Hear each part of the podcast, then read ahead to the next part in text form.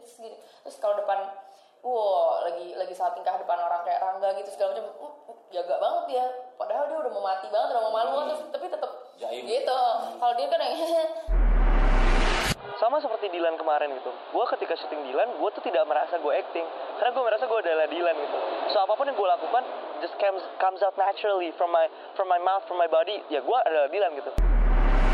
Ini justru sebelum saya baca seperti dendam ya 2015 awal lah harusnya sebenarnya kalau still photographer itu dipekerjakan sama tim publicist. Oke. Tapi kalau kebanyakan di Indonesia biasanya dari pihak production house yang langsung calling kita. Jadi memang harus ada divisi yang berbeda antara publicity dan promosi karena itu spending money gitu. Tapi dia tahu semua semua itu ada bagian yang perlu proses, nggak bisa diburu-buru. Ritmenya bukan tiki taka Iya, bukan. Bukan Iya, pep. bu- bukan pep ya. gitu. Dan itu itu menguntungkan karena menurut gue di yang kedua ini konflik Fahri itu banyak banget. Kalau aku pertama kali itu mini series, Eh, mini series berlanjut lagi ke beberapa FTV, lalu iklan, habis iklan film di pertaruhan itu. Eh, ngerasa nyaman di pertaruhan di filmnya. Ini nih menarik nih gitu. Kalau lu jangan lu kelamaan nih. Lu kelamaan masuk ke ke, ke kerajaan atau lu kelamaan masuk ke fight. Supaya nggak boring, lu caca-caca, lu jahit. Cuman gitu doang. Mamet naik mainan macan si Sewu di mall jelek dan gak perlu. Jadi gue tuh kenapa sih ada adegan gue suka gue suka. Karena gini karena uh, gue kan mas gue lihat Zumov terus gue ngebayangin itu lucu banget kali ya kalau si Zumov mukanya muka macan si Sewu gitu. Karena gue dulu ngefans gue ngefans banget kan sama Ryan Gosling gue cari lah tiketnya gitu kan. Aku penonton lah filmnya dia ya Lost River. Ya. itu di ibu di tengah film itu di ibu bu gitu. Dan semua dan ada yang tepuk tangan terus bu ada yang begitu. Gila ngeri banget ya gue dia. Dan apa ya dan ada ada beberapa banyak kejadian lain gitu ya benar-benar apalagi dengan zaman sosial media sekarang yang langsung instantly.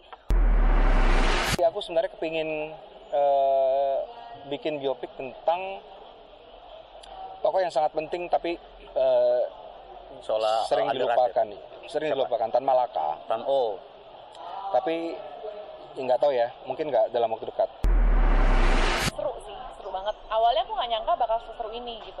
Apalagi pergi keluar kota bisa ngerasain vibes yang lain environment yang lain ketemu orang-orang baru terus ketemu fans-fans kita yang di luar sana gitu kan. Maksudnya ngeliat antusias mereka tuh kayak seneng banget. Tidak gampang mencari mereka yang mau ada di film dan punya dedikasi yang tinggi dan kecintaan terhadap profesi dan memandang bahwa jadi aktor itu penting untuk terus menggali ilmu. Kita tuh waktu itu pertama kali kalau saya bilang sih ya ini tidak banyak yang mencatat tapi selain Cool Desak sebenarnya new wave-nya film Indonesia itu itu muncul sejak Anak Seribu Pulau kita kan taunya mereka tuh sangat disiplin ya. kita Pola- bikin nggak disiplin Serius loh. iya Oh ya? kita bikin seluas itu Kalian membawa Dan pengaruh mereka pun- buruk ini. dan mereka dan mereka pun ternyata seneng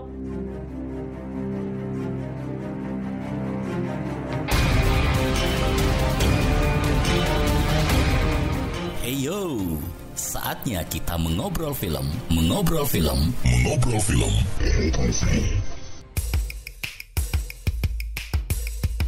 Pada edisi kali ini, kita akan menanyakan perihal kebiasaan empat sutradara ini di lokasi syuting. Mereka adalah Andi Bahtiar Yusuf, Nia Dinata, Viva Westi, dan Fajar Bustomi. paling sering diucapkan di set kepada pemain atau kru? Apa? Frasa? Iya. Apa ya? Keren nih men. Musik atau tanpa musik di set? Eh, musik. Lu nggak lihat baju gua. Aduh. Usir, eh, mau diusir apa gimana? kilo. Musik apa? Musik. Lu suka nggak? Suka. Entar dulu dong. Musik apa? Musik rock kayak gini Musik atau rock, musik rock kayak gini. Musik rock kayak gini lah. Jika ada, apa peraturan yang diterapkan kepada kru di lokasi? Peraturan apa yang strict ya? On time. Mana yang paling sering diucapkan? Action atau cut? Cut. Seberapa sering merasa puas hanya mengambil one take dalam sebuah adegan? Ah, nggak terlalu sering. Berapa jumlah take terbanyak yang pernah dilakukan dalam satu adegan? Take terbanyak 18. Adegan yang melibatkan siapa dan dalam film apa? Romeo Juliet melibatkan almarhum uh, Alex Komang karena dia nggak bisa bahasa Sunda. Edo Bornama itu nggak Iya, lama ya, di ah, nggak nggak lama. Itu menggebu-gebu juga soalnya ya. Nah, itu itu malah kita biarin. Oh, audionya kita biarin. Jadi dengerin doang. Ah, ah, ah. Improvisasi mereka berdua ya. Apa yang selalu ada di dalam kantong saat berada di set? Handphone. Lu ngopi atau ngeteh dulu? Kopi. Berapa gelas kopi sehari di set? Di set bisa 6, 7. Pernah meninggalkan set karena lagi emosi? Pernah. Di film apa? Pernah. Mata Dewa. Apa pengalaman terbaik saat berada di lokasi syuting? Punya aktor yang bagus, Bang. Kalau pengalaman terburuknya? Pengalaman pengalaman terburuk itu di set begitu datang ekstrasnya belum datang tiga hari berturut-turut ekstra sama pemain datang siang callingannya jam 6 Apakah Bang Ucup tipikal orang yang paling awal tiba di set? paling awal sih enggak tapi biasanya datang 15 menit sebelum jam callingan. Supaya kalau udah lewat bisa ngomel. Lu pada telat-telat lu. Gitu. Terus eh, apakah eh, termasuk tipikal sutradara yang sudah eh, punya gambaran akan seperti apa eh, jalannya sebuah adegan di kepala? Iya. Nah, eh, belum pernah bikin shortlist. Angga kemarin bilang, gila loh. Senang menggunakan eh, practical effect atau CGI? Praktikal lah. Nggak suka CGI. Oke. Kalau duitnya kurang ngapain bikin CGI? Oh iya, iya. Apa bagian terbaik dari filmmaking? Eh, menciptakan cerita, bikin sebuah dunia yang sayangnya kalau di sini kalau orang ngerasa aneh sama dunia dibilang nggak masuk akal. Padahal kan semua uni- universe yang kita ciptain aja kan, sama bikin karakter. Masukan paling berguna dari sama sutradara yang pernah Bang Ucup dapetin? Masukan. Wah, gue sering banget tuh ngutip katanya Ririja. Filmmaker tuh bicara sama karyanya, bukan sama bukan ngejawabin omongan orang. Kenapa mau disambung? Apa? Mau disambung tadi jawabannya? Eh, ada lagi, tapi satu lagi lupa. Ntar kalau lagi ngobrolan lain ada. Riri ada dua tiga kok quote-nya yang gue pakai terus. Kenapa menjadi sutradara? Padahal lu kan basicnya Habis itu mau ngelamar kerja ke mana-mana nggak diterima, malah jadi sutradara. Nggak sih, nggak sengaja. Dulu, dulu tiba-tiba bikin dokumenter, keluar kerja, berusaha kerja lagi, atau ditawarin ngerjain ini itu, eh, bikin nulis dokumenter, nulis-nulis itu. Terus bikin dokumenter pendek, ya itu yang ke Berlinale lah, apalah visual element, World Cup, segala macam itu. Terus ketemu orang bikin film, terus dia nemuin, nah ini ini kerjaan gua nih. seberapa penting peran kritikus film menurut anda? penting penting banget gue butuh gue suka kalau kalau dikritik nanya kan gue nggak nanya ya suka apa enggak kritiknya apaan Apa frasa paling sering diucapkan di set baik kepada pemain atau kru? enjoy karena aku pengennya mereka kerja atau acting tuh semuanya enjoy Eh, musik atau tanpa musik di set? in general kalau musik? misalnya eh, aku lagi kerja on set nggak ada nggak ada Nggak ada. musik nggak ada tapi kalau lagi break of course iyalah ya tapi kalau lagi kerja aku kayak fokus banget Oke. Seandainya ada, apa peraturan yang diterapkan kepada kru di lokasi atau pemain di lokasi? silent on the set pokoknya rulesnya Iya. Mana yang paling sering diucapkan? Action atau cut? Atau punya istilah lain untuk mengganti dua Enggak, enggak kata sih, itu? dua-dua itu. Dua-dua itu. Dua itu. Kalau action mungkin cut ya, karena kalau cut tuh aku biasanya cut, cut, cut, cut, cut. Jadi walaupun ngomongnya dalam satu ma- satu masa, tapi kayaknya suka ke apa Brand ya cut. suka ke bawah gitu cut cut cut gitu jadi ya jadi mungkin paling sering cut ya Kalau action asal kalau action kan pasti satu action aku walaupun Oh. aku tapi kan nggak mungkin action action action Oh, enggak. iya, iya, iya. kalau cut tuh aku harus teriak sering-sering apalagi kalau misalnya adegannya yang epic gitu yang Hmm. gede kan mereka nggak denger Seberapa sering merasa puas hanya mengambil one take dalam sebuah adegan? waduh itu kayaknya sangat-sangat langka Sangat langka. langka Berapa rekor jumlah take terbanyak yang pernah Mbak ambil dalam satu adegan? In general ya? in general aduh karena kita syuting film ya sayang materi Hmm. dan kita biasa juga ngejar energi karena semakin diulang-ulang nanti energi pemainnya juga udah hilang Hmm. Paling banyak paling aku berapa sih paling banyak pal mungkin tujuh kali ya tujuh apa sembilan Di film apa pernah Film apa? lebih dari sepuluh Terus apa yang selalu ada di dalam kantong Mbak Nia saat di, di set? Ada nggak? ada dong Apa tuh? aku selalu membawa oil itu Untuk? eh, essential oil Hmm. yang untuk apa namanya eh, kayak peace and calming oil gitu. Hmm. Jadi aku selalu ada di kantong. Pakai kalau udah panik sama ini.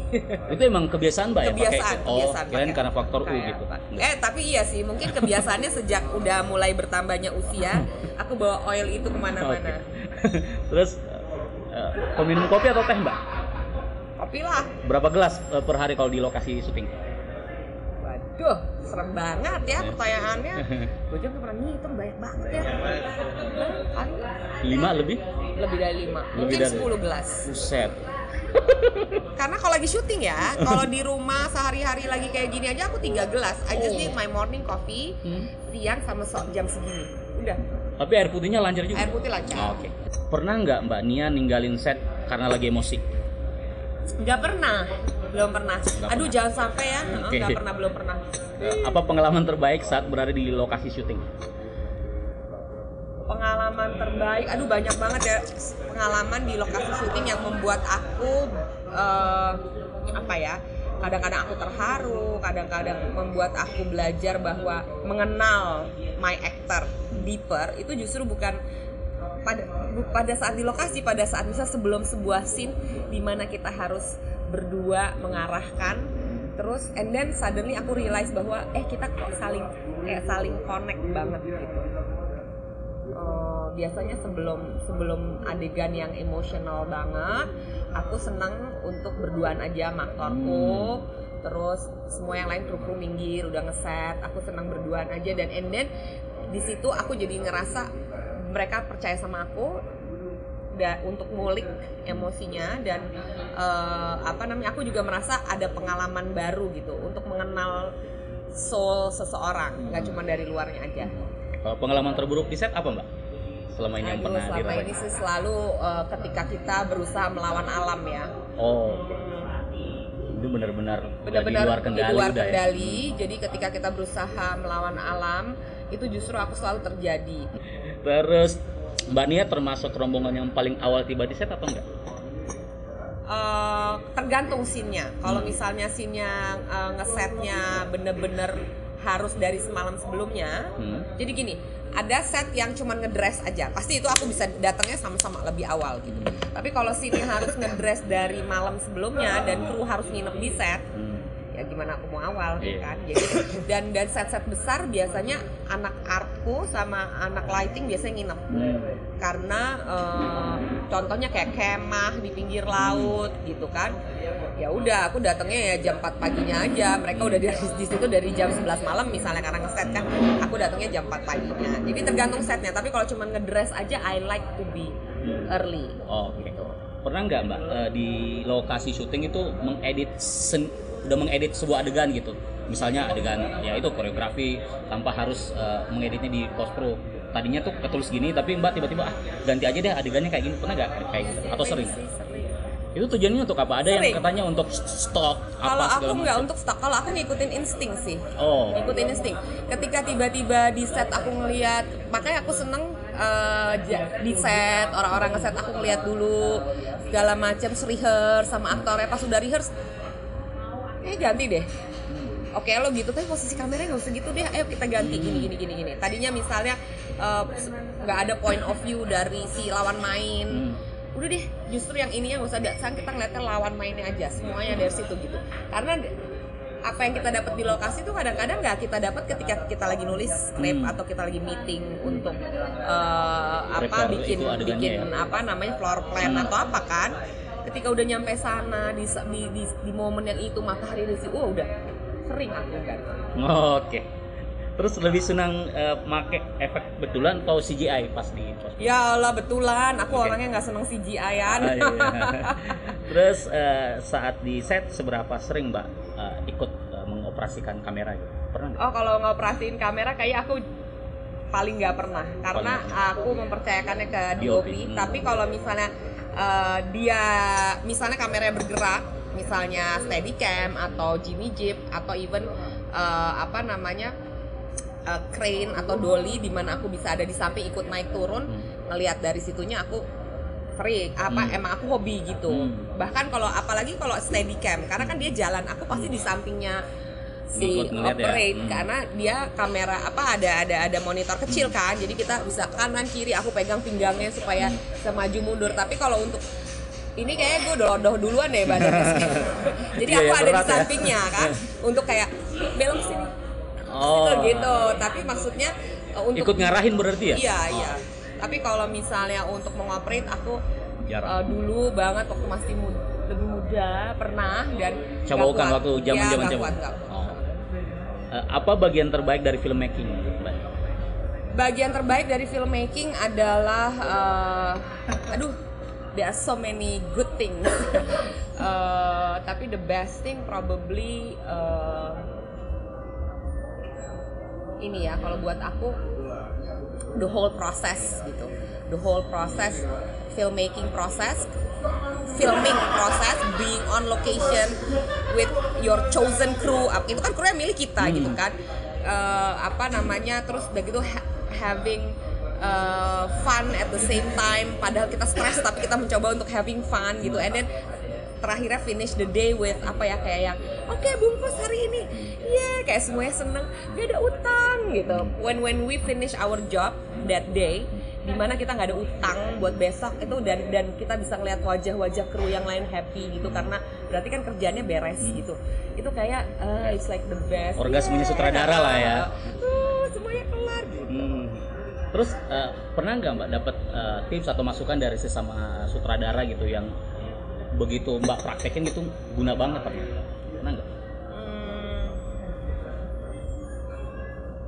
mungkin kalau sutradara malah nggak ya malah nggak pernah ya tapi aku lebih banyak dapat tips dari misalnya eh, director of photography eh, misalnya eh, wah nih teh kayak eh, ini mataharinya pas dari sini kita mendingan tungguin dari sini aja ya kayak gitu-gitu. Maksudnya hal-hal yang mungkin karena aku terlalu fokusnya ke aktorku fokus ke blocking dan eh, apa namanya pengadeganan.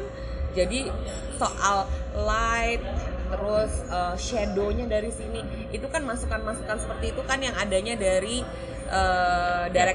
photography, sinematografer dan segala macam itu yang yang uh, itu yang sering gitu.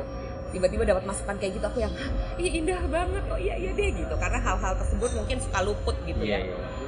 karena aku people person jadi aku tuh seneng banget untuk lebih memastikan bahwa pemainku tidak acting. Hmm. pemainku ada in the zone. They are they are in the zone. So I'm I have to create the zone kan supaya mereka ngerasanya ya udah mereka udah jadi itu gitu. Karena nih zonanya udah zona set gitu kan. Eh, nah kadang-kadang hal-hal kayak gitu yang selalu aku memang paling senang dapat Masukan dari masukan yang kayak gitu. Oh, Oke. Terus eh, kenapa memilih menjadi sutradara? Bukan profesi yang lain misalnya. Eh, sebenarnya sih aku juga lebih senang menjadi sutradara, senang menjadi penulis juga kok. Penulis Hmm. skenario dua itu sih yang paling aku enjoy. Kalau jadi produser tuh kepaksa ya. Eh, tapi ya ternyata menyenangkan juga. Cuman eh, kenapa aku memilih menjadi sutradara? Karena di situlah eh, kita bisa mengekspresikan our real eh, apa ya, our real voice, ya kan? Karena kalau jadi writer tapi kita nggak yang nyutradarain, nanti voice-nya voice si sutradara kan yang keluar. Atau eh, kalau jadi sutradara walaupun kita nggak nulis, tapi kan kita bisa make adjustments. Iya. bahwa ini it's this is my film I'm the director jadi voice-nya tetap voice kita. Kalau jadi produser kan ya udah yang penting dia memanage semuanya dengan baik kan tapi uh, produser harus trust uh, the director's voice gitu nah kenapa aku enjoy banget being a director? Karena I feel like I can be myself ketika aku jadi director. Ketika aku jadi produser aku nggak bisa 100% be myself karena aku harus respect my director's voice. Ketika aku jadi penulis terus skripnya udah dibawa sama sutradara lain atau gimana ya aku juga harus respect kan? It's his or her voice. Tapi kalau aku yang jadi sutradara it's my voice gitu. Makanya lebih enak jadi sutradara. Iya, ya. iya. Terakhir mbak? Lebih enjoy. Terakhir hmm, seberapa penting peran seorang kritikus film untuk mbak Nia? Kalau aku sih nggak, kalau buat aku kritikus film itu mungkin lebih penting buat penonton Indonesia. Jadi buat aku as a penonton itu penting banget gitu. Karena eh, kalau karyanya udah terjadi, what can they do? Ya kan, kalau ke sutradara, ngerti nggak? Kan itu Hmm. karyanya udah udah jadi, Hmm. ya kan? Fungsinya kritik itu kan eh, sebenarnya untuk penonton. Supaya penonton jadi tambah pintar bisa membaca film sebelum dia memilih film apa yang ditonton gitu. Makanya aku merasa bahwa kritik di Indonesia itu penting banget karena I need them to choose what I'm gonna watch juga gitu. Dan aku paling sebel ketika baca kritikan film tapi udah ada endingnya lah buat apa gue nonton? gitu kan. Jadi Hmm. maksudnya jadi Spoiler. kan kritik spoiler. Karena kritikus film tuh bukan untuk ngasih tahu ceritanya kok. Dia ngasih tahu mana poin-poin yang bagus dari filmnya mana poin-poin yang lemah. Jadi kita sebagai penonton punya ekspektasi yang udah dipersiapkan gitu. Hmm. jangan ekspektasinya ketinggian apa kita nganggap enteng film ini gitu kan. Kan we need to know as a consumer. Oke Mbak Viva, apa kalimat atau frasa paling sering diucapkan di lokasi syuting kepada pemain atau kru? Semangat. Aja.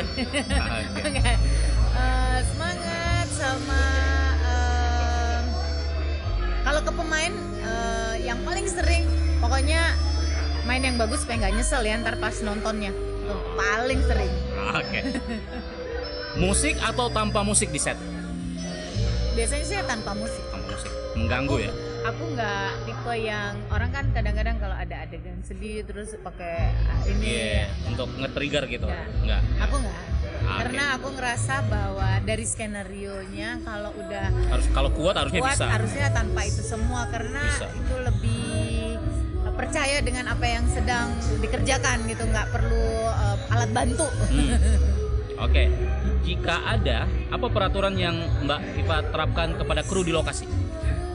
jangan merokok di dalam set Itu dan harus. jangan makan dan minum di dalam set itu Itu ya? itu paling mengganggu kru biasanya yang perokok karena mereka biasanya bete sama aku karena kalau aku nggak suka uh, di dalam set ngerokok karena aku nggak perokok Oh. mungkin kalau kru sutradara lain yang ngerokok mungkin It's okay. uh, it's okay tapi aku itu paling ini anti. dan yang paling anti lagi adalah tidak boleh buang puntung rokok di mana pun aku bisa ngambilin satu-satu dan aku tahu itu rokok Marlboro itu siapa yang punya Uh. gitu. Luar biasa. Mana yang paling sering diucapkan, Mbak? Action atau cut? paling sering sih sebenarnya cut Kenapa? Eh, Action suka lupa apa? bukan eh, action aku eh, biasanya eh, Astrada. Astrada aku yang mengucap aku biasa cut tapi kadang-kadang eh, lebih banyak aku tapi ada beberapa yang action. jadi kalau ditanya lebih banyak mana ya aku bilang lebih banyak cut daripada action Hmm. Oke. Seberapa sering merasa puas hanya mengambil one take dalam satu adegan? Eh, one take itu eh, ada beberapa film aku yang yang eh, aku rasa wah, apa satu kali take udah bagus itu eh, jarang terjadi tapi kalau itu terjadi itu sangat luar biasa dan aku selalu percaya bahwa kalau diulang nggak akan dapat momen itu Hmm. Take pertama itu yang paling jujur istilahnya ya. Hmm, oke. biasanya aku juga agak aneh begitu orang take sampai 8 atau 12 kali kalau tetap yang diambil yang pertama Iya. kata orang ada sampai 40 kali take terus ngambil yang pertama oh oke Kalau masih pakai seluloid pasti dia bakal mikir panjang tuh. Untungnya. Ah, ya terakhir aku pakai seluloid pun aku selalu ngitung karena memang em, pakai seluloid itu lebih ada apanya ya kayaknya orang lebih bersungguh-sungguh karena tahu bahwa nggak punya kans besar untuk mengulang banyak dibandingkan digital sekarang Berapa rekor jumlah tag terbanyak yang pernah Mbak Eva ambil? Eh, 5, nggak lebih 6 pernah. aku pernah 17 tag 17. Biasanya untuk adegan apa sih yang ngambil tag sebanyak itu, Mbak? Action Eh, apa? biasanya kalau eh, adegannya eh, eh, satu shot satu kali shot Oh. yang Tapi long take? long take Oh. tapi nggak long take sih satu shot gitu yang perlu apa ya perlu konsentrasi yang tinggi itu aku kadang-kadang agak lama karena aku ngerasa eh, antara pem, apa sebagai sutradara ya punya perasaan bahagia banget kalau dengan satu shot. Memang memang dibutuhkan oleh film itu satu shot dan itu bisa maksimal gerakan kameranya pas pemainnya Blocking. juga pas ya blockingnya juga pas figuran di belakangnya pun harus pas. Kadang-kadang itu yang mengganggu kita pengen one take oke tapi kameranya nggak fokus jadinya atau pemain kita lupa dialog atau uh, figurannya malah merusak nah yang kayak gitu-gitu tuh yang menurut aku begitu bisa one take uh, apa satu uh, apa Banyak tag ya? uh, banyak take tapi dapetin yang maksimal tuh luar biasa Oke. Oke. Berapa gelas kopi atau teh dihabiskan satu hari di set? nah itu lagi aku nggak terlalu peminum kopi atau nggak terlalu peminum teh Air putih? cuman air putih ya cuma aku pagi dan sore pasti minum teh eh minum kopi di lokasi itu kalau aku dalam keadaan eh, aku pernah eh, ngedirect eh, makan kuaci sampai jontor saking stresnya gitu Film apa tuh? ada waktu apa itu jontor aku lupa film apa tapi itu Rajin baru- banget tuh makan kuaci. Sampai banyak banget. tapi itu salah satu kesukaan aku makan kuaci Yang kulitnya udah dibuka atau dibukain Ya, lagi? udah buka sendiri gitu Oh, jadi ya kalau- pantas jontor. Jadi aku punya kecenderungan kayaknya kalau syuting tanganku suka gerak-gerak sendiri kalau itu Jadi pelampiasannya adalah makan kuaci itu ya. Itu. Hmm. Oke. Pernah nggak ninggalin set dalam eh, suasana hati sedang emosi misalnya? Nggak pernah ya? Nggak pernah. aku termasuk sutradara yang tidak pernah meninggalkan set apa pun eh, ininya ya even anakku sakit pun itu eh, terakhir kali untuk aku bisa bilang ya aku pergi gitu loh untuk ninggalin tapi kalau ninggalin set untuk apa meeting ninggalin terus kasih ke Astrada aku bisa dibilang Nggak pernah ya. aku mencintai pekerjaan Tanggung jawab lah istilahnya ya.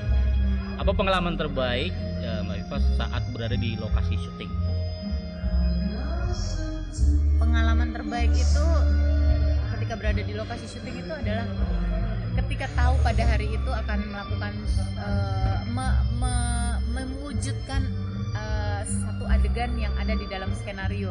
Itu sangat tidak sabar kalau menurut aku gitu. Jadi eh, umpama hari ini scene-nya ini ini ini ini. Itu dari loka, dari hotel atau rumah tuh aku udah kepikiran. Udah excited duluan gitu. ya. jadi oh nanti aku giniin nanti gini. Oh shotnya tuh aku catet satu-satu. Dan aku sangat mencintai proses itu. Kalau pengalaman terburuknya selama ada di lokasi atau selama jadi filmmaker? Eh, Nungguin pemain telat atau apa misalnya? aku sih termasuk ya pemain telat itu paling menjengkelkan gitu paling menjengkelkan kalau apalagi kan kita nggak mama aku bikin sinetron gitu ya atau Hmm. FTV gitu ya bukan film kalau film kan semua udah terke- terschedule dengan baik gitu ya rata-rata film aku tuh udah film yang cukup bisa kadang banyak di luar kota dan sebagainya. Jadi pemain tuh sudah dikontrol bener-bener gitu ya. Tapi kalau udah yang sinetron gitu pengalaman aku adalah ketika kita di lokasi di, dikasih pemain yang kita nggak tahu dia siapa terus mainnya buruk mau nggak mau ngambil keputusan untuk mem- memberhentikan dia itu yang aku pernah melakukan itu. Nah ya. Saking udah nggak tahannya masih pemain nih. udah itu udah gini sinetron itu waktunya pendek Iya. nggak nggak bisa lagi. Dia udah tahu bahwa satu episode itu sekian hari gitu. Jadi nggak nggak mungkin untuk oh ya lu ini gue ulang ini nih gitu. Nggak bisa. Aku mutusin dia dan kemudian ibunya datang ibunya pemain. Aku diem aja. Aku habis tapi mau bagaimana lagi? Aku juga pernah melakukan yang tadinya dia pemain utama Ganti. yang ganti dia jadi pemain pe- pemain pendukung pemain pendukung ya pemain utama aku pernah melakukan itu juga bisa bisa berubah drastis gitu ya Iya, aku ya? telepon ke kantor aku ini nggak bisa nih sorry saya ini pemainnya kayaknya mangke atau apa nggak tahu pokoknya lemot banget dan aku udah Ganti. nggak aku tuker gitu pernah Hmm. terus apakah mbak Viva termasuk rombongan yang paling awal tiba di set Iya. alasannya Eh, gini. Ingin ngatur? Ya eh, aku selalu bisa dibilang aku sutradara yang cukup rajin Oh. untuk datang ke lokasi pertama kali. Karena apa? Aku udah bisa mereka-reka aku punya waktu untuk eh, dekat dengan setnya. Aku bisa lihat eh, apa setnya oh nanti diginiin ini ntar diginiin. Aku udah duluan akrab yang dan aku senang sekali menyambut kru-kru aku datang dan Oh. pemain-pemainku datang. Oke. Aku senang apa mbak Viva? Pernah mengedit sebuah adegan di lokasi? Padahal misalnya di scanner itu tertulisnya gini tapi begitu ada di lokasi mbak eh, udah langsung "Eh, kayaknya ganti aja nih kayak gini. Pernah nggak kayak gitu? Sering. Kenapa diganti dan sebagainya? Karena kadang-kadang eh, pemainnya eh, memberi satu ide yang "Ih, gila ini dia hebat banget ya ini harusnya diginin aja deh. Oke deh kita tambahin aja dia gini-gini gitu pertama Mas Fajar eh, apa kalimat atau frasa paling sering eh, Mas Fajar ucapin itu di set baik kepada kru atau pemain sekali lagi ya Oh, saya gitu. gitu Oh. kadang-kadang sekali lagi itu eh, sekali lagi kita bikin yang lebih baik lagi gitu. biasanya eh, saya tuh orang yang gak gampang puas oke terus eh, yang kedua musik atau tanpa musik di set di set? Iya di lokasi. Saya dari berangkat rumah sudah nempel musik biasanya. Oke. Jadi misalkan adegannya apa? Oh, romance. Oh, udah cari tuh lagu apa gitu. Bisa Indonesia bisa Barat udah nempel dulu di kuping. Nah ntar pas di set mati semua. Kadang-kadang handphone juga saya matiin semua. Oh berarti kalau di lokasi tidak boleh ada musik ya? Tapi se- sebelum take boleh dengar musik. Cuman kadang-kadang ada situasi yang ini situasinya misal kadang-kadang ya Hmm. itu tiba-tiba suasananya kru ini sama ini lagi nggak harmonis buat Hmm. kita tenanginnya kadang-kadang anak sound puterin Oh, oke Itu jadi terapi buat- juga ya Iya, itu kan buat ngebangun suasana. Oh, Saya selalu pengennya suasana syuting tuh enjoy semuanya. Harmonis Nggak lah ada- istilahnya iya, ya. Harmonis, nggak ada ribut-ribut. terus eh, mana yang paling sering diucapkan action atau cut Action lah. action ya oke Eh, apa yang selalu ada di dalam kantong Mas Fajar saat eh, di lokasi syuting misalnya adakah Obat. obat obat mah oh aduh terus eh, berapa gelas kopi atau teh dihabiskan eh, dalam sehari ketika di set Saya nggak minum yang lain selain air putih. air putih berapa gelas biasanya mas Banyak banget. pernah nggak meninggalkan eh, lokasi karena lagi emosi gitu Eh, emosi. Heeh. Ada sekali dua kali sih ada gitu. Udah udah nggak kuat. Stop dulu deh gua. dulu. Nah biasanya apa hal yang bisa bikin Mas Fajar itu keluar emosinya di lokasi syuting Biasanya Alat, apa yang bintangnya. saya bayangin jauh dari bayangan saya. dari Ya, kenyataannya gitu ya jauh dari bayangan ya Contohnya misalnya banyak, bisa pemainnya tiba-tiba nggak ada, bisa tiba-tiba lokasinya eh, berantakan atau Hmm. setnya nggak sesuai, Hmm. ya kayak gitu gitulah. Hmm. Terus mas eh, pengalaman terbaik saat berada di lokasi syuting tuh yang kayak gimana bagi seorang filmmaker kayak Mas Fajar itu? Pengalaman terbaik ketika sebuah adegan yang saya bayangkan dapat dimainkan dengan baik oleh aktor. Nah kalau eh, pengalaman terburuk yang pernah Mas eh, jumpai selama jadi sutradara itu apa? Terburuk. Hmm. Atau kurang menyenangkan lah? Schedule pemain yang bikin Jadwal lelet juga akhirnya ya? bukan ya schedule pemain yang merusak karya filmnya Oke. itu udah pasti saya benci banget dan itu banyak banget buat sekarang Pernah kerjasama dengan orang-orang kayak gitu mas?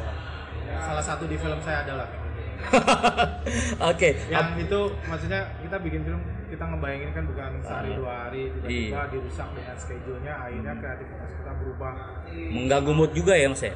Ya, jauh gitu. Sedangkan kalau kita harus stop nggak bisa. Iya, iya. itu itu dilemanya sutradara biasanya.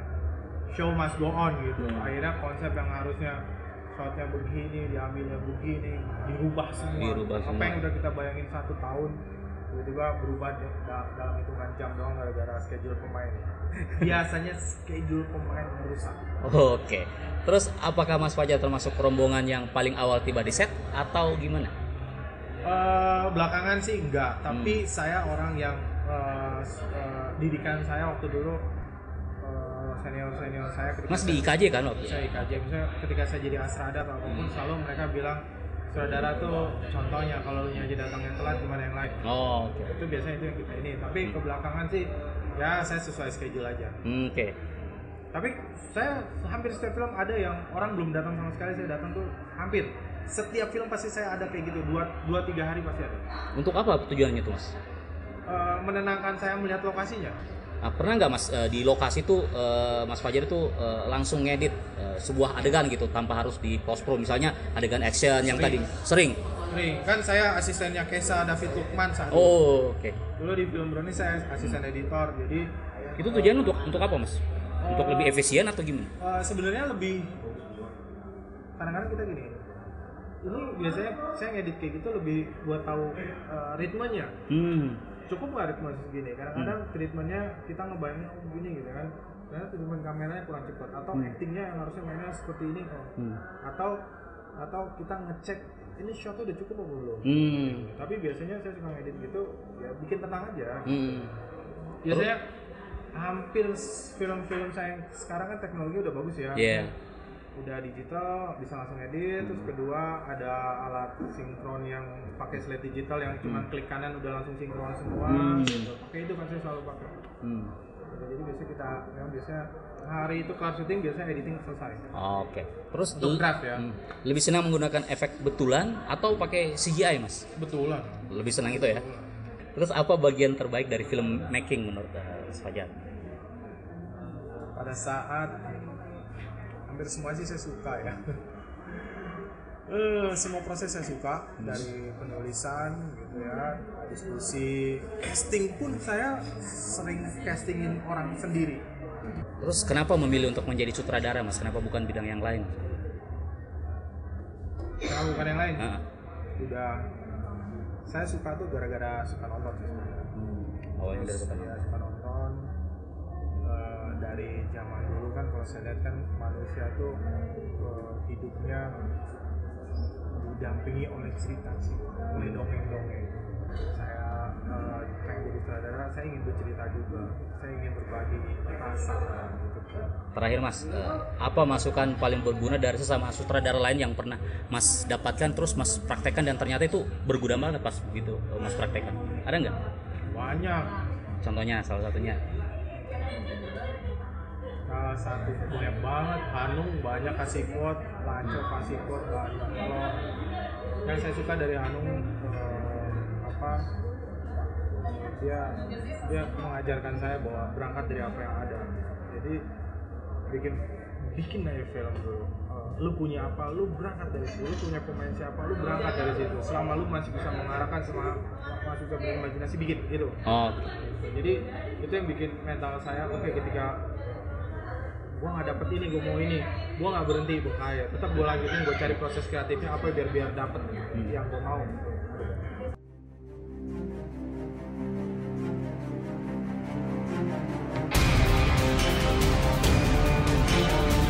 Demikian tadi mengobrol film kita. Terima kasih banyak sudah mendengarkan dan sampai jumpa pada edisi selanjutnya.